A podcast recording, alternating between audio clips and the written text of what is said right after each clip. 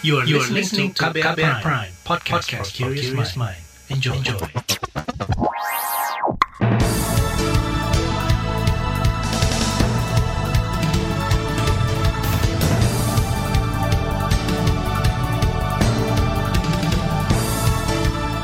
Selamat pagi saudara, jumpa lagi di program Buletin Pagi edisi Jumat 7 Januari 2022. Saya Naomi Liandra. Sejumlah informasi pilihan telah kami siapkan di antaranya larangan ekspor batubara didukung berbagai kalangan. Jokowi cabut 2 ribuan izin usaha tambang minerba. NTB sahkan pergub perlindungan anak dari paham radikalisme dan terorisme. Inilah Buletin Pagi selengkapnya. Terbaru di Buletin Pagi. Saudara, kebijakan pemerintah melarang sementara ekspor batu bara sebulan penuh mulai 1 hingga 31 Januari 2022 mendapat dukungan berbagai kalangan. Langkah ini diambil guna menjamin ketersediaan pasokan batu bara untuk pembangkit listrik dalam negeri. Jika kelangkaan terjadi, maka 20 pembangkit listrik tenaga uap dengan daya 10.000 MW akan padam. Sekitar 10 juta pelanggan PLN termasuk industri bakal dirugikan. Larangan ekspor batubara didukung Komisi Energi DPR. Namun pemerintah diminta menjatuhkan sanksi tegas bagi perusahaan yang mengekspor batubara secara sembunyi-sembunyi. Selain itu, kebijakan ini mestinya dibarengi dengan perbaikan rantai pasok di PLN. Pasalnya, larangan tersebut hanya solusi jangka pendek. Hal itu diungkapkan Wakil Ketua Komisi Energi dari fraksi Golkar, Maman Abdurrahman. Rekomendasi jangka panjangnya, lakukan revisi undang-undang ketenaga listrikan terkait pasal pengusahaan. Ini sudah saatnya PLN sudah tidak boleh lagi memonopoli pengusahaan listrikan di negara kita. Harus diberikan kesempatan kepada semua pihak, baik itu perusahaan BUMN baru ataupun swasta, agar negara, pemerintah, dan masyarakat punya banyak pilihan. Tidak menjadi seperti sekarang. Pada saat ada masalah, kita jadi terkunci. Wakil Ketua Komisi Energi DPR Maman Abdurrahman menekankan masalah utama cadangan batu bara di PLN adalah manajemen rantai pasokan. Perusahaan setrum negara itu cenderung memilih kontrak jangka pendek dengan pemasok batu bara.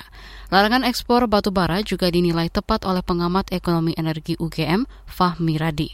Namun, ia memberi catatan bahwa solusi itu bersifat jangka pendek.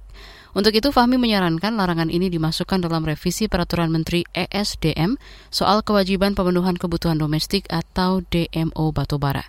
Apalagi sanksi di aturan DMO terlalu ringan sehingga banyak pengusaha malah memanfaatkan celah untuk mengekspor batubara saat harga komoditas tinggi. Ya, itu kan berlaku satu bulan gitu ya, satu Januari sampai 31 Januari. Saya berharap aturan itu, para ekspor tadi, dimasukkan untuk revisi aturan permen tentang DMO tadi. Karena dalam aturan itu permen itu, dia sanksinya, itu berupa denda itu ya. Nah, denda tadi jumlahnya tidak terlalu besar. Nah, sehingga saya menduga rasa darah tinggi seperti sekarang, dia mendingan semua diekspor, nah kemudian bayar denda yang, yang kecil tadi.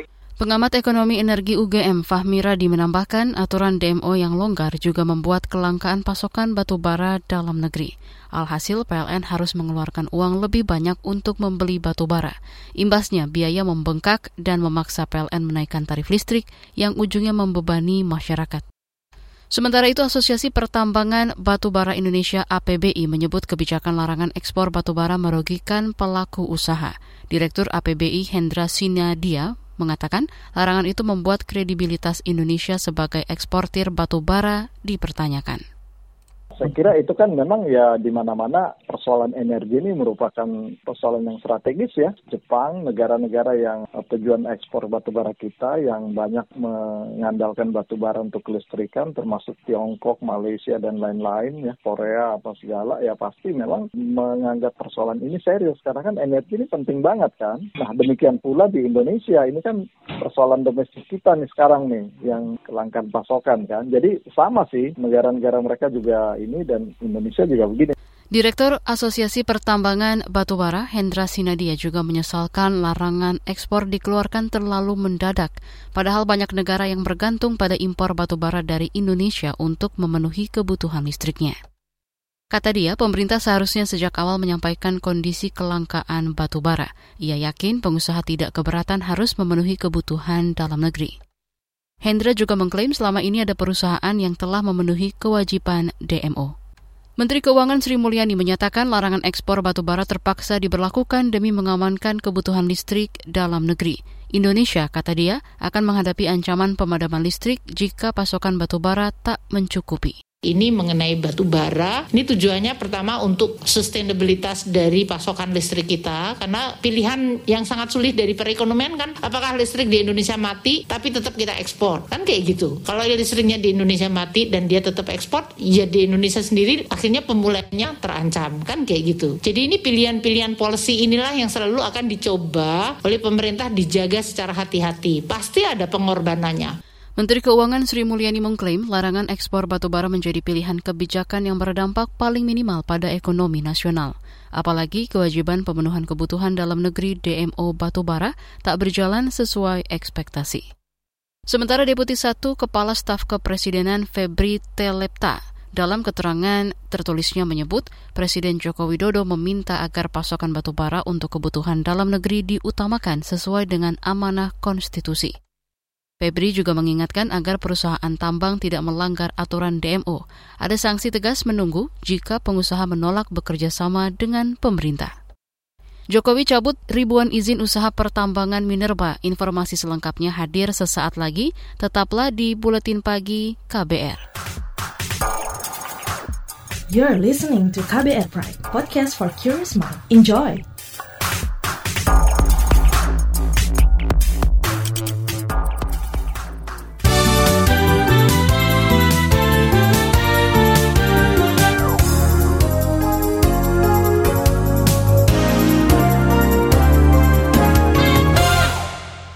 Anda sedang mendengarkan buletin pagi KBR. Presiden Joko Widodo mencabut dua ribuan izin usaha pertambangan atau IUP mineral dan batu bara. Hal itu dilakukan lantaran perusahaan tidak menyampaikan rencana kerja ke pemerintah. Langkah ini merupakan bagian dari upaya perbaikan tata kelola SDA sehingga lebih merata, transparan, dan adil. Hari ini sebanyak 2.078 izin perusahaan penambangan minerba kita cabut. Karena tidak pernah menyampaikan rencana kerja, izin yang sudah bertahun-tahun telah diberikan tetapi tidak dikerjakan, dan ini menyebabkan tersandranya pemanfaatan sumber daya alam untuk meningkatkan kesejahteraan rakyat. Presiden Jokowi juga memerintahkan izin tambang dan penggunaan lahan negara terus dievaluasi menyeluruh. Izin-izin usaha yang tidak dijalankan, tidak produktif, dialihkan ke pihak lain, serta tidak sesuai peruntukan diminta untuk dicabut. Selain tambang, pemerintah juga mencabut 192 izin usaha kehutanan seluas lebih dari 3 juta hektar. Konsorsium Pembaruan Agraria KPA meminta pemerintah tegas memberantas aksi mafia tanah. Sekretaris Jenderal KPA, Dewi Sartika menduga mafia tanah melibatkan berbagai kalangan, dimulai dari tingkat pengambil kebijakan, pelaku lapangan, hingga ke ranah administrasi. KPA juga menilai tindakan aparat hukum dalam memberantas mafia tanah masih kasuistik dan terkesan tebang pilih adalah justru pemberantasan mafia tanah yang itu memang melibatkan jaringan mafia tanah yang uh, tersistematis, terstruktur, terorganisir dan sangat profesional di mana itu melibatkan, melibatkan berbagai uh, pihak. Misalnya dari mulai pelaku utamanya melibatkan pengusaha dan petinggi pemerintahan yang punya kewenangan dan jabatan, kemudian aja juga melibatkan pelaku di tingkat lapangan, apakah itu advokat, pemuka agama, pemerintah daerah, uh, polisi, TNI dan preman, kemudian ada juga pelaku di ranah administrasi pertanahan seperti notaris, PPAT. Sekjen KPA Dewi Sartika mengingatkan sejumlah hal yang menyuburkan praktik mafia tanah. Di antaranya sistem informasi pertanahan yang tidak transparan, konflik kepentingan antara pengusaha dan pejabat pemerintah, serta buruknya sistem administrasi dan kehutanan. KPA juga mencatat 200-an konflik agraria struktural terjadi di lebih dari 500 desa dan melibatkan hampir 200 ribu keluarga sepanjang 2021 lalu.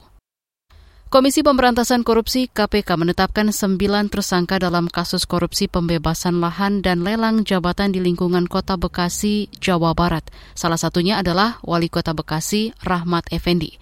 Dalam kasus ini, KPK menyita barang bukti berupa uang sebesar 5,7 miliar rupiah. Keterangan ini disampaikan Ketua KPK Firly Bahuri dalam konferensi pers kemarin. Sebagai pemberi, ada empat orang. Pertama AA, kedua LBM, yang ketiga SY, yang keempat MS. Sementara sebagai penerima, tersangka RE, MB, MY, WY, dan JL. Selanjutnya demi kepentingan penyidikan, penuntutan dan peradilan, maka para tersangka dilakukan penahanan di KPK Ketua KPK Firly Bahuri menambahkan para tersangka ditahan mulai kemarin hingga 25 Januari mendatang. Diplomasi kesehatan tetap menjadi prioritas pada 2022 untuk memperkuat ketahanan kesehatan nasional. Hal itu diungkapkan Menteri Luar Negeri Retno Marsudi dalam pernyataan pers tahunannya. Retno juga menekankan Indonesia harus mampu memproduksi sendiri vaksin COVID-19. Pandemi COVID-19 mengajarkan kita untuk memperbaiki ketahanan kesehatan nasional dan global.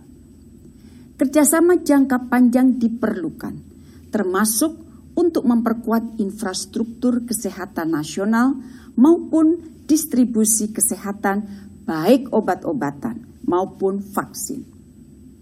Indonesia harus mampu memproduksi vaksin sendiri dan dapat menjadi hub produksi vaksin di kawasan. Menteri Luar Negeri Retno Marsudi menambahkan Indonesia juga harus mampu membuat sendiri obat COVID-19 dan memenuhi bahan baku obat dalam negeri. Kata dia, Indonesia juga mendorong pengembangan riset dan jejaring manufaktur vaksin melalui Koalisi Inovasi Kesiapsiagaan Epidemi atau CEPI. Kita ke informasi COVID-19 dan varian Omikron. Koordinator PPKM Jawa Bali, Luhut Panjaitan, meminta masyarakat tidak khawatir berlebihan menyikapi masuknya varian Omikron. Ia mengklaim pemerintah berupaya mencegah laju penambahan kasus akibat mutasi baru tersebut. Kita tetap uh, tidak perlu uh, istilah saya paranoid berlebihan, tapi kita tetap harus hati-hati. Kehati-hatian kita itu seperti ini tadi, jadi semua bertahap kita uh, lakukan saya berharap ya mungkin kalau dua minggu ke depan keadaan masih tetap terkendali seperti ini, uh, tidak tertutup kemungkinan akan terjadi perubahan-perubahan lagi. Itu tadi Koordinator PPKM Jawa Bali sekaligus Menko Maritim dan Investasi Luhut Panjaitan. Saudara, saat ini total kasus Omikron di Indonesia mencapai 254 kasus yang didominasi kasus impor.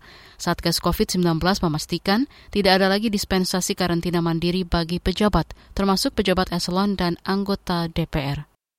Kementerian Kesehatan tengah menyelidiki dugaan bocornya 6 juta data pasien COVID-19.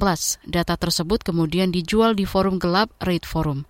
Dikutip dari CNN Indonesia, staf ahli Menteri Kesehatan bidang teknologi kesehatan Setiaji memastikan kementerian bergerak cepat menelusuri temuan ini dan memperbaiki sistem. Kita ke informasi mancanegara. Malaysia terancam dilanda banjir gelombang ketiga hingga Februari mendatang, padahal banjir gelombang kedua di sejumlah titik hingga kini belum surut. Dikutip dari The Star, warga yang mengungsi mencapai lebih dari 10 ribu jiwa. Otoritas setempat memperingatkan level air laut di, di akan berada pada tingkat tertinggi dan dapat menyebabkan banjir. Pemerintah Thailand menaikkan level status COVID-19 menyusul lonjakan kasus varian Omicron di Thailand kemungkinan bakal menerapkan pembatasan perjalanan domestik dan kerumunan publik. Hingga kemarin tercatat ada 5.700-an kasus baru, naik 48 persen dari hari sebelumnya dan dua kali lipat dari yang dilaporkan awal Januari lalu. Beralih ke berita olahraga. Pelatih timnas Indonesia Sintayong tak akan memanggil pemain yang berkarir di klub luar negeri pada Piala AFF U23. Ini berbeda dengan langkah Shin saat Piala AFF 2020 lalu. Ia menarik lima atlet yang bermain di luar negeri untuk memperkuat timnas. Shin juga dikabarkan akan menggunakan beberapa pemain ex timnas U19 yang sempat menjalani pemusatan latihan di Turki di 2021 lalu. Di bagian berikutnya kami hadirkan laporan khas KBR yang mengulas tema nasib pegawai korban peleburan lembaga ke BRIN. Nantikan sesaat lagi. You're listening to KBR Pride, podcast for curious mind. Enjoy!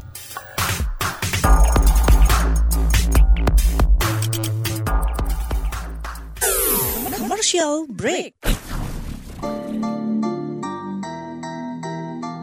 Come on, yo. Buat yang sukanya berhoax, you better listen to this one.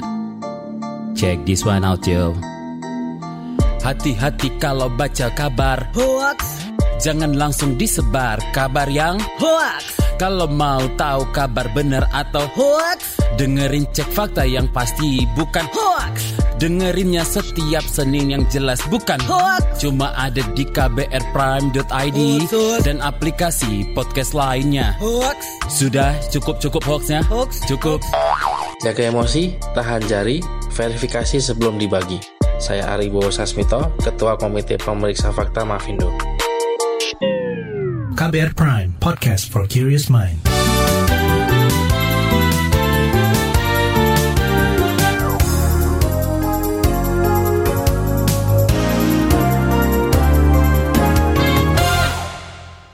Anda masih bersama kami di Buletin Pagi KBR.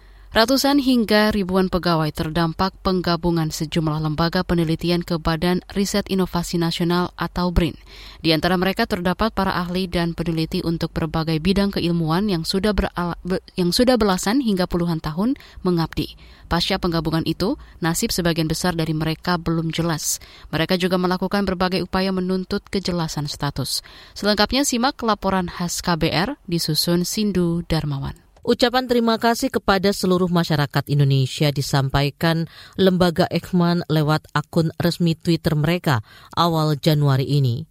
Perpisahan itu disampaikan setelah 33 tahun berkiprah dalam pengembangan penelitian biologi molekuler kesehatan dan obat di Indonesia dan dunia, termasuk saat pandemi COVID-19. Ekman adalah salah satu lembaga yang dilebur ke Badan Riset dan Inovasi Nasional BRIN terhitung per 1 September 2021. Peleburan ini sesuai peraturan Presiden tentang Badan Riset dan Inovasi Nasional BRIN yang menyatakan seluruh lembaga penelitian harus diintegrasikan ke BRIN. Dampaknya, ada sebagian pegawai LBM Ekman yang dipecat setelah penggabungan tersebut. Kepala BRIN Laksana Trihandoko akhir pekan lalu mengklaim pemecatan atau pengalihan disesuaikan dengan berbagai skema sesuai aturan sebagai lembaga pemerintah. Kata dia, LBM Ekman selama ini bukan lembaga resmi pemerintah dan berstatus unit proyek di Kemenristek.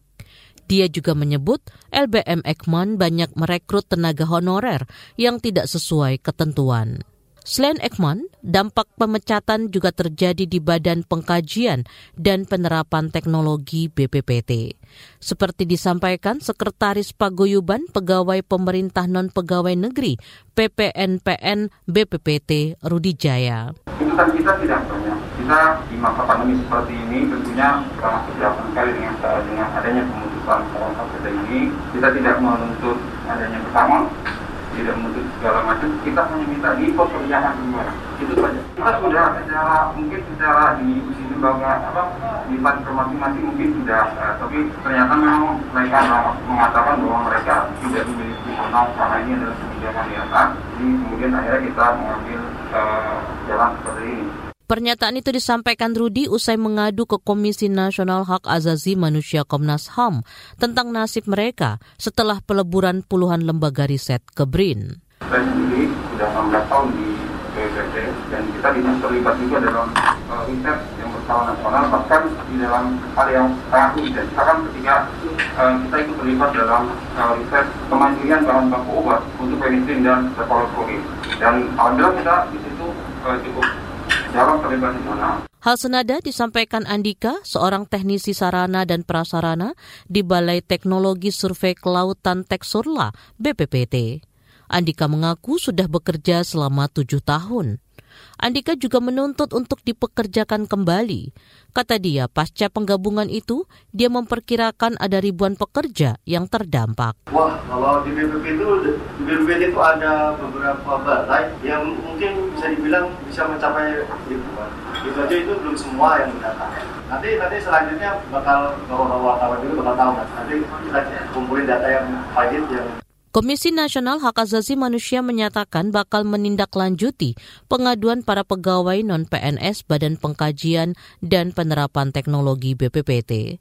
Anggota Komisioner Komnas HAM BK Ulung Hapsara mengatakan para pegawai itu mengadukan nasibnya usai dipecat. Jadi Komnas HAM tentu saja merespon uh, pengaduan ini dan akan segera menindaklanjuti dengan meminta keterangan kepada pihak-pihak terkait termasuk juga BRIN terkait dengan skema uh, kepegawaian mereka terus juga bagaimana kemudian solusi uh, atas ratusan staf yang seperti Mas Andika maupun Pak Rudi Jaya ini. Anggota Komisioner Komnas HAM BK Ulung Hapsara meminta para pegawai non-PNS BPPT itu melengkapi data tentang jumlah pegawai yang di PHK.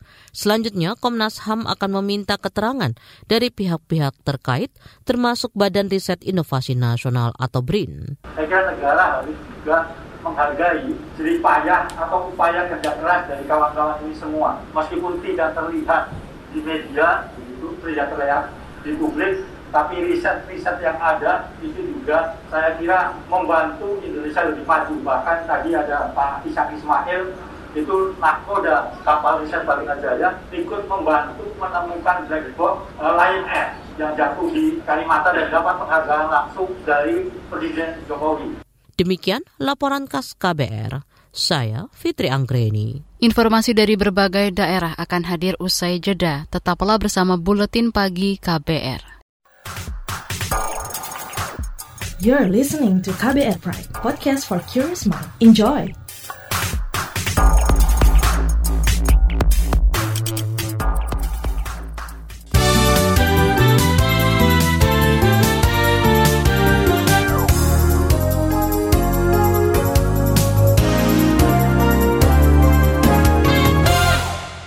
Inilah bagian akhir buletin pagi KBR.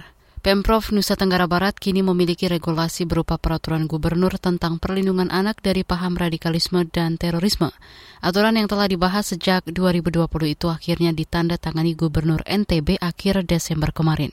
Pergub ini lahir lantaran ada kekhawatiran generasi muda NTB terpapar radikalisme dan terorisme. Hal itu diungkapkan Kepala Dinas Pemberdayaan Perempuan dan Perlindungan Anak NTB, Husnandiati Nurdin. Pergub ini uh, edukasi, memastikan agar kita semua berperan untuk mencegah jangan sampai anak-anak kita terkontaminasi dengan paham radikalisme dan terorisme. Kadis Pemberdayaan Perempuan dan Perlindungan Anak NTB Husnandiati Nurdin menambahkan penyusunan pergub tersebut juga melibatkan Badan Nasional Penanggulangan Terorisme atau BNPT. Berdasarkan hasil kajian BNPT di 2016, NTB masuk zona merah kekerasan berlatar agama. Kita ke Aceh. Ribuan korban banjir di Kabupaten Aceh Utara mulai terserang berbagai penyakit dan terpaksa menjalani perawatan medis di posko pengungsian. Kepala Dinas Kesehatan Aceh Utara Amir Syarifuddin mengatakan telah menempatkan petugas medis di seluruh titik pengungsian yang tersebar di 15 kecamatan. Umumnya hanya tiga yang udah ada kita kemarin. Yang pertama gatal-gatal, yang kedua uh, demam, yang ketiga batuk-batuk pilek seperti istilahnya batuk common cold atau flu. Uh, per hari posko kita kita melihat memantau ke lapangan ada 15 titik yang kita suruh pantau itu rata-rata di atas 200. Kepala Dinas Kesehatan Aceh Utara Amir Syarifuddin juga telah mengusulkan bantuan obat-obatan dan tenaga medis tambahan ke Pemprov Aceh untuk kebutuhan pengungsi. Data dari BPBD setempat mencatat sebanyak 32 ribu warga mengungsi sejak pekan lalu. Bergeser ke Jawa Tengah, Ribuan pedagang pasar Johar di kota Semarang belum bisa berdagang karena ketiadaan lapak. Menurut Kepala Paguyuban Pedagang Pasar Johar Suherman, saat ini mereka masih menempati lapak di pasar relokasi Masjid Agung. Kan kan jelas, itu hanya mampir kunjungan. Yang ditanya sih malah UKM, bukan pedagang. Sama oh. Johar. Hmm. Konsepnya nggak jelas Mbak, penataan salah sendiri dari paguyuban organisasi ini juga bingung. Orang nggak terbuka masalahnya. Bahkan saya sampai sekarang dapat belum dapat tempat. Kota kami kurang lebih kalau pedagang jumlahnya kurang lebih sekitar ya lima ribuan lah. Dasarkan izinnya lapaknya ya lebih dari anu, lebih dari enam ribu malah. Karena kan ada satu yang punya tiga, satu punya dua nama. Ketua Paguyuban Pedagang Pasar Johar, Suherman, menambahkan pedagang masih menunggu kejelasan dari pemerintah kota Semarang terkait pemindahan pedagang dari pasar relokasi ke Pasar Johar. Informasi tadi menutup jumpa kita di Buletin Pagi hari ini. Pantau juga informasi terbaru melalui kabar baru, situs kbr.id, Twitter kami di akun @beritaKBR, serta podcast di alamat kbrprime.id. Akhirnya saya, Naomi Liandra, bersama tim yang bertugas undur diri. Salam.